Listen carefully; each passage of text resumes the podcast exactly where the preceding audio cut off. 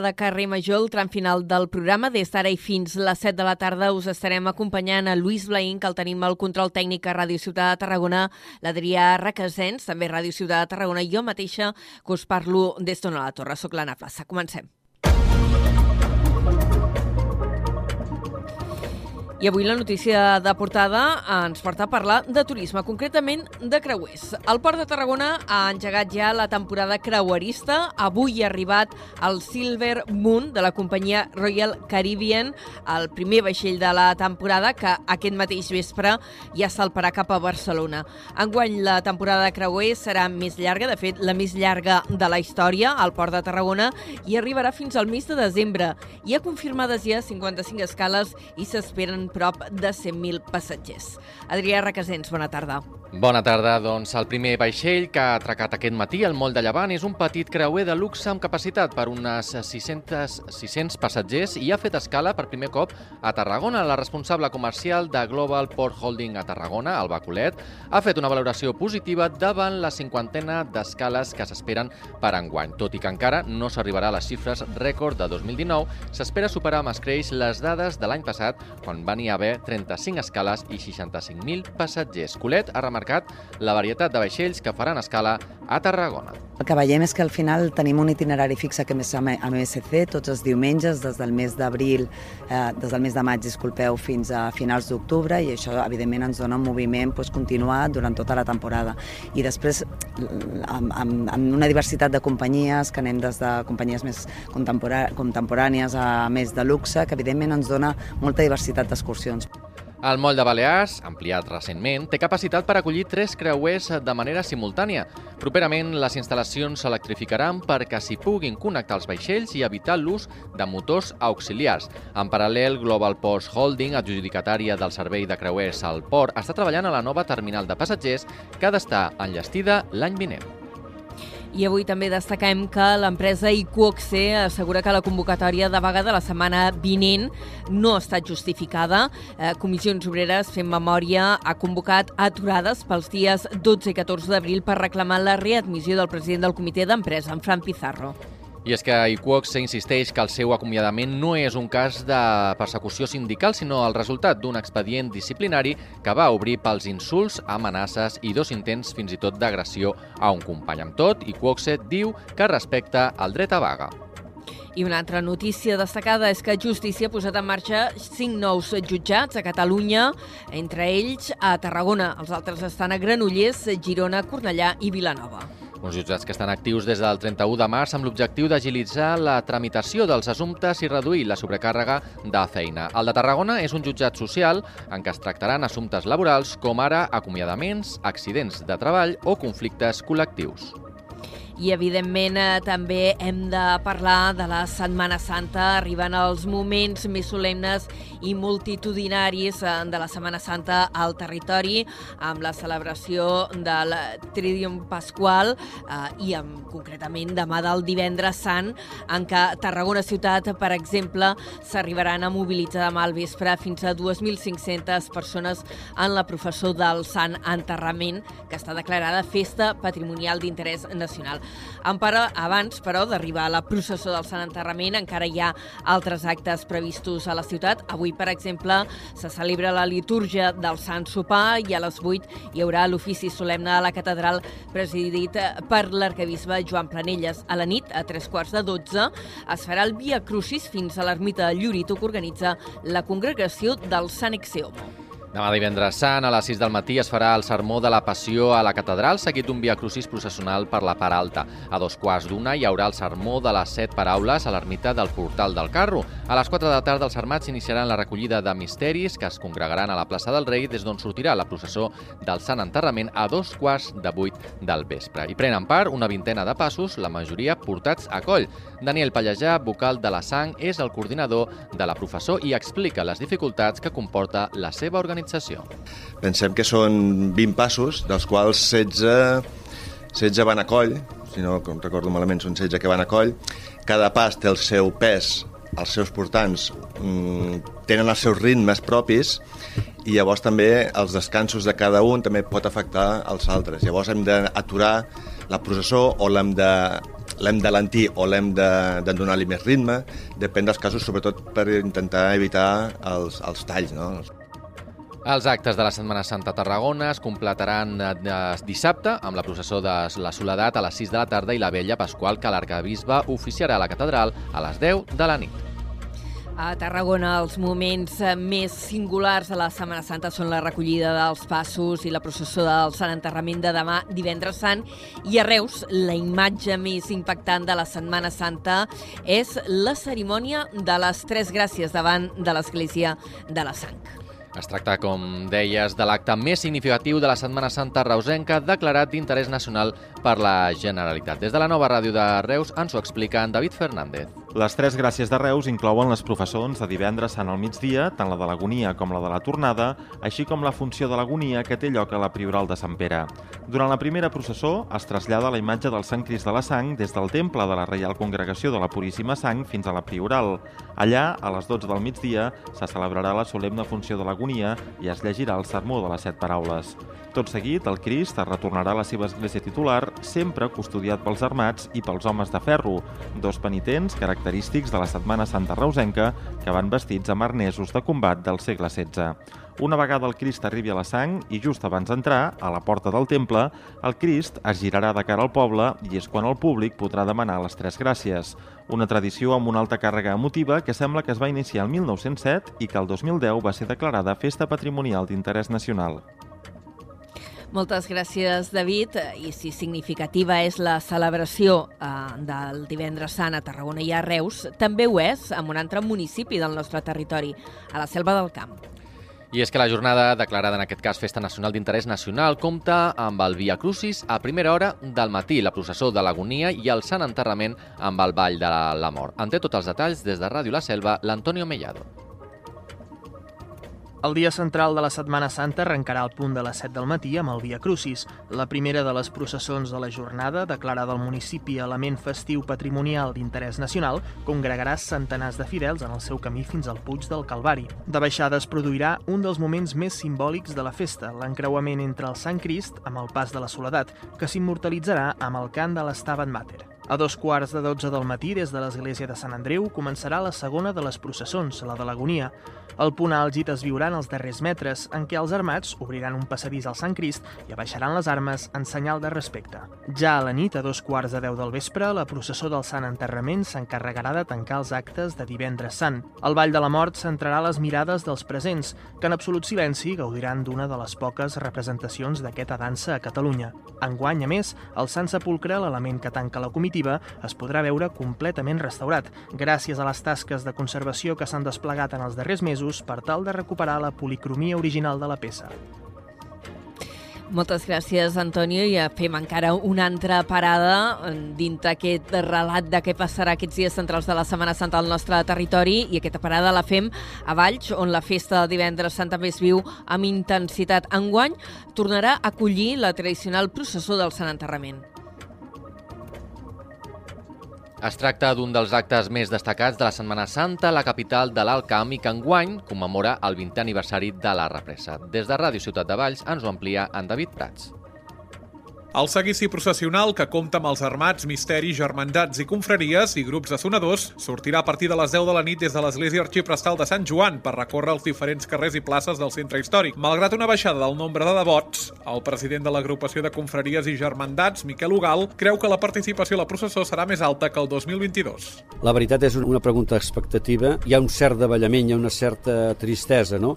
Però de totes maneres jo crec que enguany, a part de la mateixa participació que l'any passat, jo crec que inclús serà una mica mica més reeixida. Més enllà de la processó del Sant Enterrament, els actes del divendres sant començaran a les 9 del matí amb el Via Crucis interparroquial des del Santuari de la Mare Déu del Lledó fins a l'església de Sant Joan. A la tarda hi haurà la pujada dels misteris, l'exhibició dels armats i els canvis de guàrdia del Centurion que custodiaran el Sant Sepulcre i la imatge del Sant Cris. De cara a dissabte de Glòria tindrà lloc la Vella Pasqual. A Sant Joan començarà a les 11 de la nit i el Lledó a partir de les 8 del vespre. Finalment, diumenge de Pasqua, les parròquies de Sant Joan, el Lledó, Monges Mínimes i Sagrat Cor predicaran la missa de resurrecció resurrecció en els seus horaris habituals eucarístics.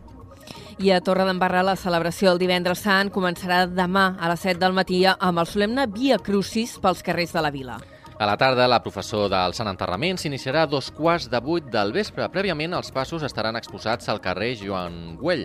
A més, fins al proper 14 d'abril, el pati del castell acull l'exposició fotogràfica retrospectiva de la confraria de la Creu Armats de Torredembarra. I de cara a dilluns de Pasqua, eh, un cop ja celebrades eh, tots els actes més tradicionals eh, de la Setmana Santa, eh, arriba el dia de la Mona, el dia de menjar-se-la, i la Guàrdia Urbana de Tarragona activarà un dispositiu especial per evitar eh, conductes incíviques en les zones boscoses amb més afluència de gent que va d'excursió per menjar-se la Mona. Es vetllarà per prevenir incendis i també es vigilaran les zones d'estacionament per evitar robatoris. El dispositiu el conformaran tres dotacions que treballaran. Una a les zones boscoses de l'interior entre el Pont del Diable i Mas d'en Pastor, un segon equip que treballarà a les zones de costa del bosc de la Marquesa i, finalment, la tercera dotació controlarà la zona del riu Francolí i també del Llurito. El dispositiu especial de Pasqua comptarà amb dos pilots de la unitat de dron, agents de proximitat i també agents de medi ambient. L'Ajuntament de Tarragona recorda que està prohibit encendre foc per a qualsevol tipus d'activitat als terrenys forestals i a la franja de 500 metres que els envolta. De la mateixa manera, tampoc es poden llançar coets, globus, focs artificials o altres artefactes que continguin foc. I ens trobem ara de ple en l'operació sortida d'aquests dies centrals de vacances de la Setmana Santa. En aquests moments hi ha circulació amb retencions en diversos eh, punts de la demarcació de Tarragona. És el cas, per exemple, de la carretera C14 en el tram del Cubé, en què trobem 2,9 quilòmetres de retencions en sentit sud. També hi ha problemes a la Nacional 340, al terme del Vendrell Vendrell amb un quilòmetre de circulació amb retencions i a més tenint en compte que hi ha eh, un tram d'un quilòmetre d'aquesta carretera de la Nacional 340 eh, al Vendrell en què hi ha inversió de prioritat en la circulació. I un altre punt de la xarxa viària del territori en què trobem problemes en aquests moments és l'autopista AP7 a l'altura de l'Ametlla de Mar en sentit sud en què també trobem 4 quilòmetres de circulació circulació amb retencions. I dit això, tancarem aquest primer bloc de l'informatiu de carrer Major apuntant que el camió que ahir dimecres es va accidentar a l'autopista AP7 a l'altura de Tarragona transportava droga amagada entre un carregament de verdures. La informació l'ha avançat al diari de Tarragona. Els Mossos van interceptar fins a 190 quilos de marihuana envasada al buit i ara busquen el conductor del vehicle que va fugir del lloc dels fets després de l'accident. Aquest, recordem-ho, es va produir ahir a la matinada quan un camió va volcar i va provocar un xoc en cadena en què es van veure implicats fins a sis vehicles més. El sinistre, sense víctimes, va provocar importants retencions durant tota la jornada.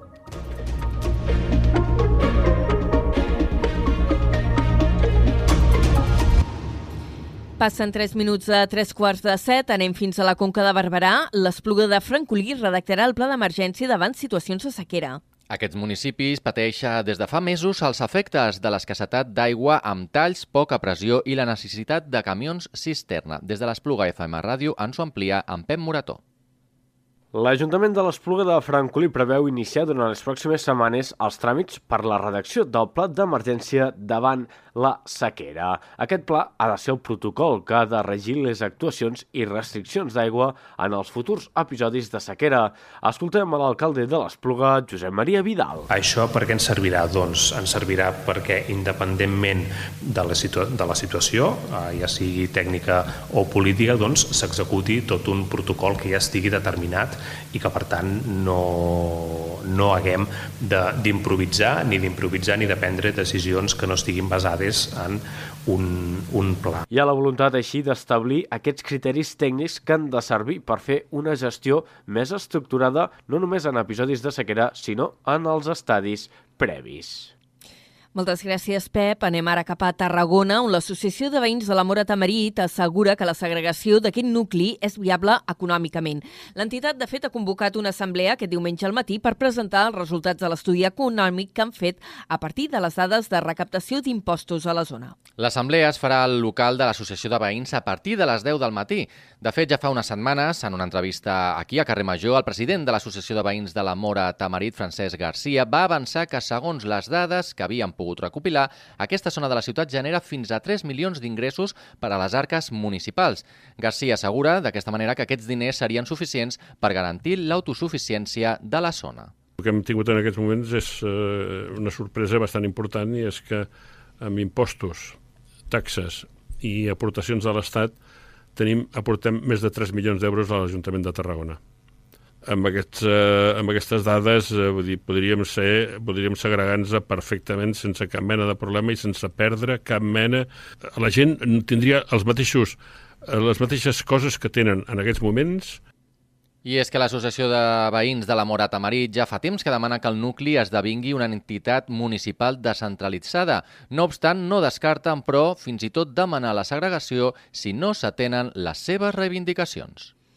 Més qüestions a Tarragona. L'Ajuntament ha adjudicat la diagnosi sobre l'economia blava. L'objectiu és conèixer les necessitats i les oportunitats de tots els sectors econòmics vinculats al mar.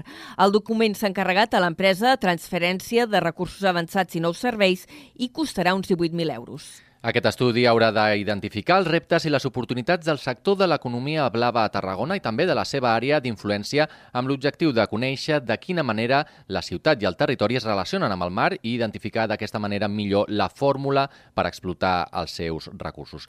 Els resultats d'aquest estudi permetran identificar les necessitats del mercat de treball en aquest àmbit, potenciar també noves empreses i sectors i millorar l'oferta formativa. El projecte està subvencionat pel Servei d'Ocupació de Catalunya i confinat finançat en un 20% per l'Ajuntament de Tarragona. I encara un altre apunt relacionat amb Tarragona ciutat. El consistori ha adjudicat ja les obres de millora de la baixada del Miracle. La intervenció se centrarà al carrer Robert d'Aguiló davant de l'Escola del Miracle. Té per objectiu millorar la zona al voltant de les diferents sortides del col·legi. S'incorporarà nova senyalització i s'ampliaran diversos trams de les voreres. Les obres costaran 39.000 euros i són un dels projectes escollits entre els pressupostos participatius.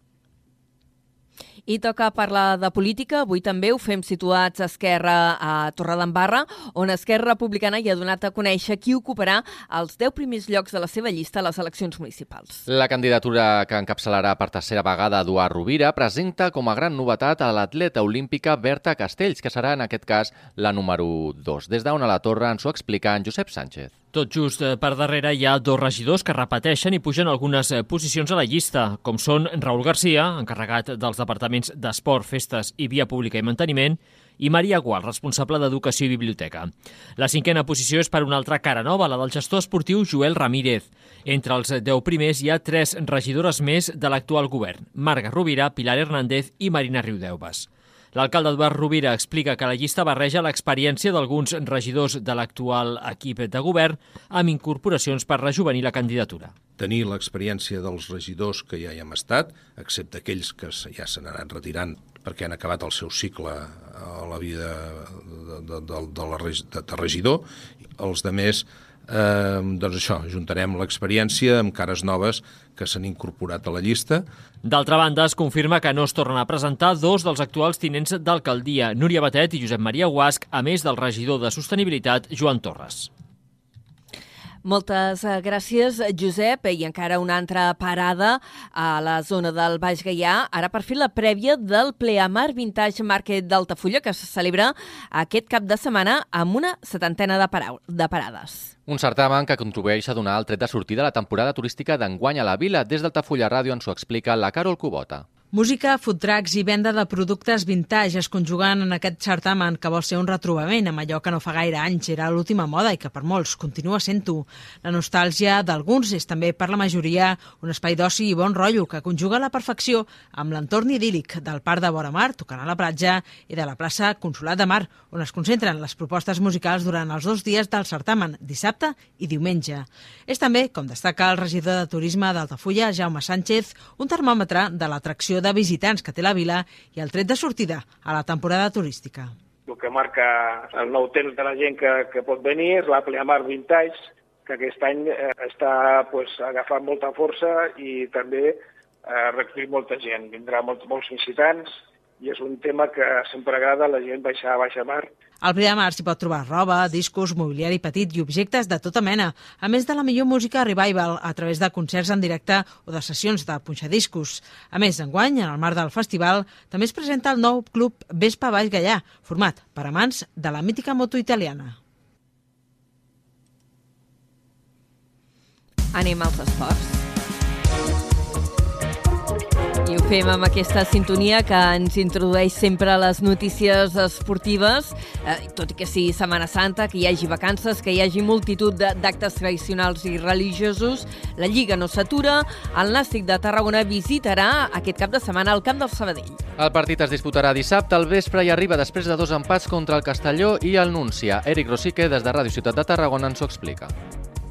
El Nàstic de Tarragona visita la nova Creu Alta en un duel d'urgències davant el centre d'esports Sabadell. Els grans ho fan després de dos empats consecutius i sense veure porteria ni amb Castelló ni amb la Núcia. Per la seva banda, els arreguinats tampoc arrosseguen la seva millor dinàmica, només dues victòries en els darrers set partits. Hi ha dos punts dels Jocs de Perill. Amb tot, els tarragonins continuen mantenint la seva distància a 5 punts dels Jocs de descens.